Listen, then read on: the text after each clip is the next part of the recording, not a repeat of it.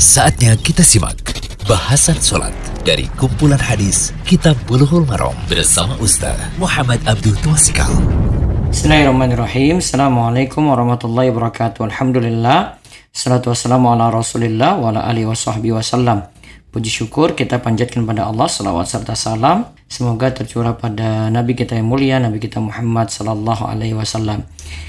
Baik, pada kesempatan kali ini kita berada di audio ke-169 dari pembahasan kita dari kitab Bulughul Maram karya Imam Ibnu Hajar Al-Asqalani. Masih dalam pembahasan kitab solat, bab solat tatawu mengenai solat sunnah. Kita masih seputar solat witir.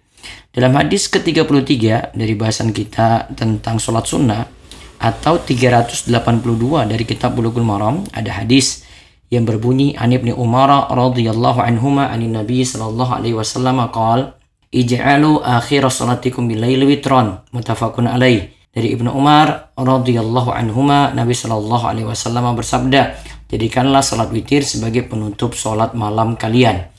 Mutafakun alaih hadis ini diriwayatkan oleh Imam Bukhari dan Muslim. Faedah hadis yang pertama maksudnya jadikan akhir salat malam kalian ditutup dengan witir yaitu di waktu malam setelah salat fardu dan salat sunnah yaitu salat tahajud ditutup dengan salat witir.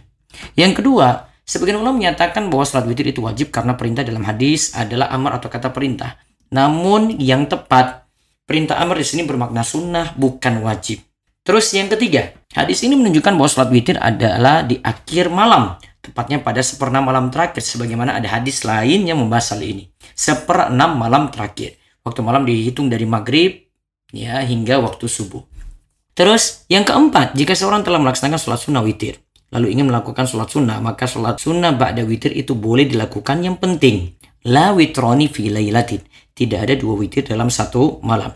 Dalam hadis Aisyah disebutkan bahwa Nabi Shallallahu Alaihi Wasallam melakukan sholat dua rakaat setelah sholat witir. Kemudian yang kelima, sholat witir disunahkan menjadi penutup sholat tahajud dan sholat malam jika memang melakukan tahajud. Jika tidak, maka yang lebih utama adalah sholat witir dilakukan ba'da sholat sunnah ba'diyah isya atau sholat sunnah ba'da isya. Semoga jadi ilmu yang manfaat. Allahu yubarik fi. Demikian bahasan sholat dari kumpulan hadis Kitab Bulughul Maram bersama Ustaz Muhammad Abdul Twasikal.